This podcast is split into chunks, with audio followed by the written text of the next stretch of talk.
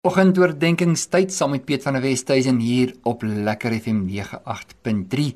Ons gesels oor toewyding aan God. My vraagie aan jou kan daar toewyding wees as daar nie 'n algemene standaard is nie. As daar nie 'n bron is van waaraf ons weet hoe wy 'n mens jouself toe? Aan wie wy jy jouself toe? En hoe lyk hierdie toewyding? En vir daardie rede wil ek weer 'n liefde laat herleef in jou hart vir die woord van die Here. Ja, ons Bybel. Ons 66 boeke wat ek en jy gekry het en dan die lewendige openbaring van die Heilige Gees wat hierdie skrifte in my en jou kom wakker maak en God op ons alledaagse pad 'n realiteit maak deur die Heilige Gees wat saam met ons hierdie pad loop. Bybelboek nommer 1 Genesis beantwoord twee vrae. Hoe het God se verhouding met hierdie wêreld begin en waar het die nasie Israel vandaan gekom? Verhale soos Adam, Eva, Kain, Abel, Noag, die ark, toring van Babel, Abraham, Isak, Jakob se leer en Josef se mantel van baie kleure is hier opgeteken. Die boek van Eksodus. Daar waar God Israel red uit slawerny in Egipte en tree dan 'n spesiale verhouding met hulle aan deur hierdie woestyn reis en openbaar sy hart vir hulle. Levitikus God gee vir Israel instruksies oor hoe om hom te aanbid. Die priesterdom die heilige plek van aanbidding en hoe alles bymekaar kom. Dan Deuteronomium Deuteronomium daar waar Moses vir Israel instruksies gee op sekere maniere 'n opsomming van die wette in Eksodus. Ja, die nommers leer ons oor hoe om God lief te hê en te gehoorsaam in die beloofde land. Hierdie boek Deuteronomium. Josua, Josua wat Israel se nuwe leier was, lei Israel om die beloofde land te verower en deel dan gebiede uit aan die 12 stamme van Israel die regtersboek, die rigtersboek. Israel betree siektes van afkeer van God, gevangen, val hulle onder die onderdrukkende nasies. Hulle roep tot God en hulle word gered deur die leiers wat God op op hulle pad stuur en ook onder hulle oprig. Die boek van Rut. Twee weduwees verloor alles en vind hoop in Israel wat lei tot die geboorte van die toekomstige koning Dawid. Ja, 1 en 2 boek van Samuel. Israel eis 'n koning wat 'n groot teleurstelling blyk te wees in die begin van die lewe van koning Dawid. Dawid, 'n man na God se hart, word koning oor Israel.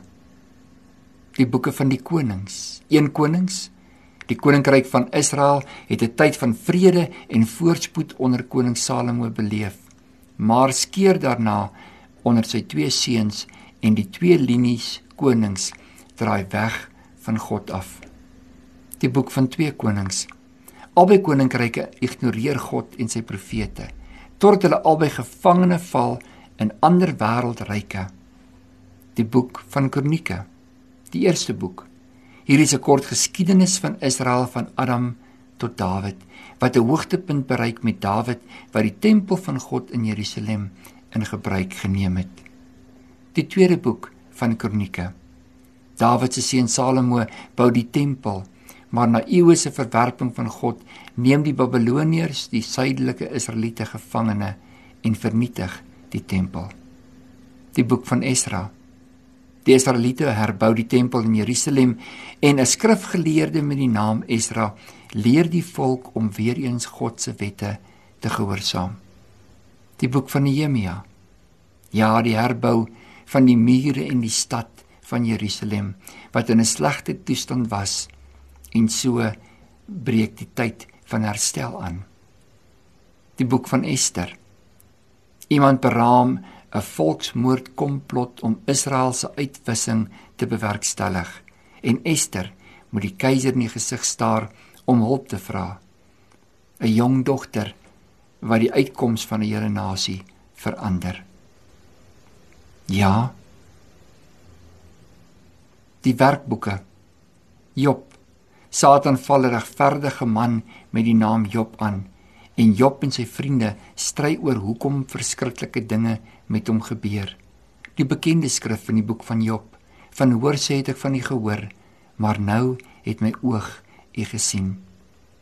Die Psalmboeke, 'n versameling van 150 liedere wat Israel vir God en vir mekaar gesing het, soort van 'n gesangboek vir die ou Israeliete. Die boek van Spreuke, 'n versameling gesegdes, wyshede wat geskryf is om mense te help om wyse besluite te neem wat geregtigheid bewerkstellig. Die boek van Prediker. Ja, 'n filosofiese verkenning en erkenning van die sin van die lewe met 'n verrassende nihilistiese toon vir die Bybel. Die boek van Hooglied. 'n Liefdeslied of versameling liefdesliedjies wat liefde, begeerte en huwelike vier.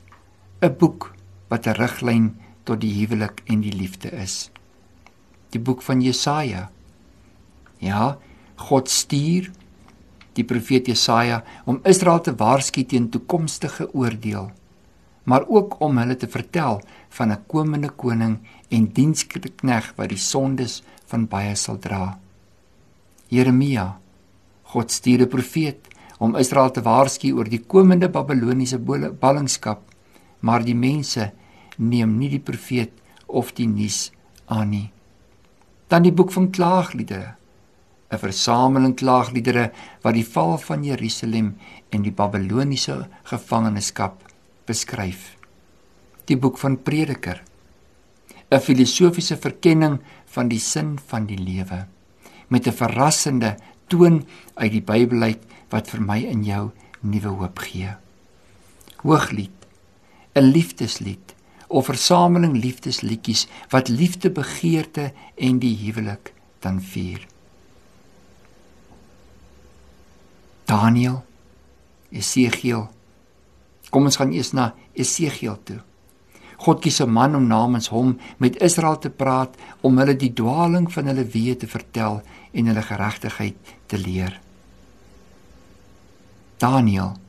Daniël word 'n hooggeplaaste wyse man in die Babiloniese en Persiese ryk en hy het profetiese visioene oor Israel se toekoms. Hosea Hosea word aangesê om met 'n prostituut te trou wat hom verlaat en hy moet haar terugbring. 'n Prentjie van God se verhouding met Israel. Die boek van Joël. God stuur 'n plaag van sprinkane na die stam van Israel. Maar sy oordeel oor die omliggende nasies kom ook hier ter sprake. Die boek van Amos. 'n Herder met die naam Amos preek die onreg van die noordelike koninkryk van Israel. Die boek Obadja. Obadja waarsku die buurvolk van Edom dat hulle geoordeel sal word vir die plundering van Jerusalem. Die boek van Jona. 'n Ongehoorsame profeet vlug van God af wat deur 'n groot vis ingesluk en verkondig dan God se boodskap aan die hele stad Ninive. 'n Verhaal van bekering. Die boek van Micha.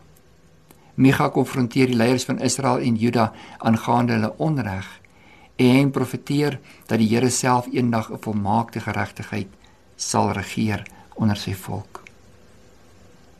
Die boek Naam. Naam voorspel van God se oordeel oor Ninive, die hoofstad van Assirië. Die boek Habakuk. Habakuk pleit by God om die onreg en geweld in Juda te stop, maar is verbaas om te vind dat God nie selfs meer gewelddadige Babiloniërs sal gebruik om dit te doen. Die boek Sefanja. God waarsku dat hy Israel en die omliggende nasies sal oordeel, maar ook dat hy hulle in vrede en geregtigheid sal herstel. Hagai.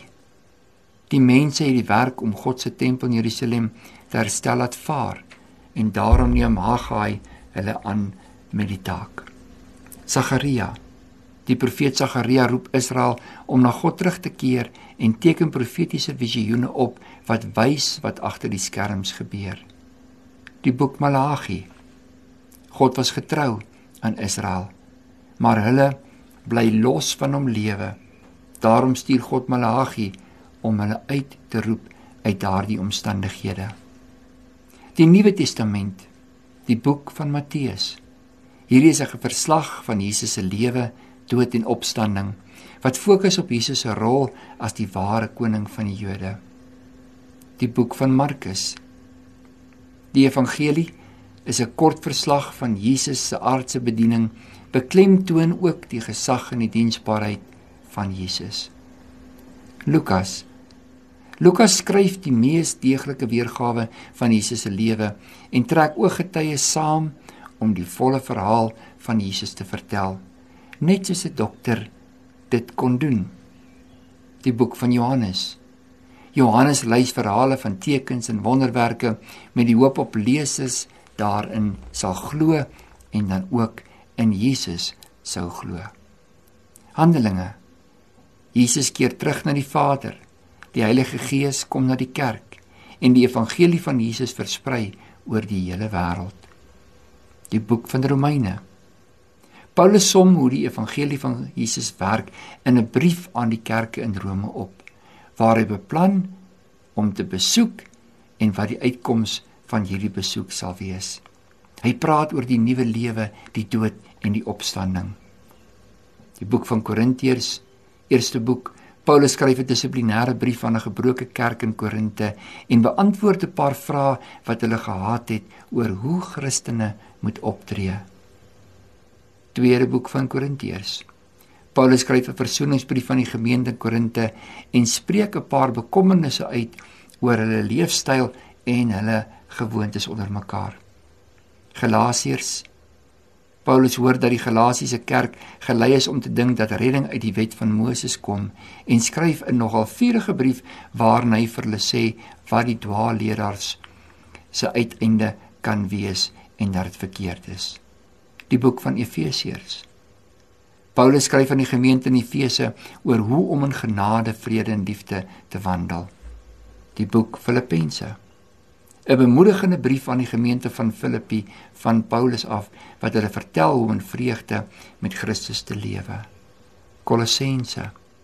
Paulus skryf aan die gemeente in Kolosse 'n brief oor wie hulle in Christus is en hoe om in Christus te wandel. 1 Tessalonisense.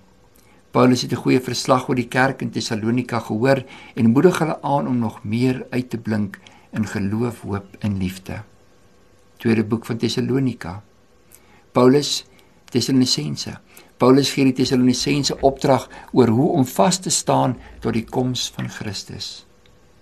Eerste boek van Timoteus handel oor Timoteus se opdrag om die kerk te lei met 'n gesonde lering en met goddelike voorbeeld. Tweede boek van Timoteus. Paulus nader die einde van sy lewe en bemoedig Timoteus aan om voort te gaan met die woord om dit te verkondig. Die boek van Titus. Paulus gee raad aan Titus oor hoe om 'n ordelike kontrakulturele kerk op die eiland Kreta te lei. Filemon.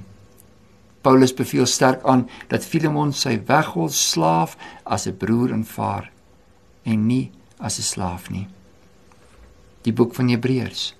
'n Brief aan Christene om aan hulle aan te moedig om ondanks vervolging aan Christus vas te hou omdat hy groter is en hy die heilige een in hul midde is. Die boek van Jakobus, 'n brief wat Christene vertel om op maniere te lewe wat hul geloof in aksie demonstreer. 1 Petrus. Petrus skryf aan Christene wat vervolg word en moedig hulle aan om oor die waarheid te getuig en daarvolgens te lewe. Tweede boek van Petrus. Petrus skryf 'n brief waarin hy Christen herinner om die waarheid van Christus en die hele uh, waarskuwing dat valse leraars sal omkom. Eerste, tweede en die derde boek van Johannes 'n brief oor die liefde, gehoorsaamheid en Christelike gemeenskap. 'n Brief van Judas aan Christene wat hulle aanmoedig om die geloof te veg al het die goddelose persone ongemerk ingeslyp die boek van Openbaring. Johannes sien visioene van dinge wat was, dinge wat is en wat sal moet kom in hulle tyd. 'n Openbaring van die Here Jesus Christus homself. Die Bybel, die waarheid, die boek van die lewe, in Jesus naam. Amen.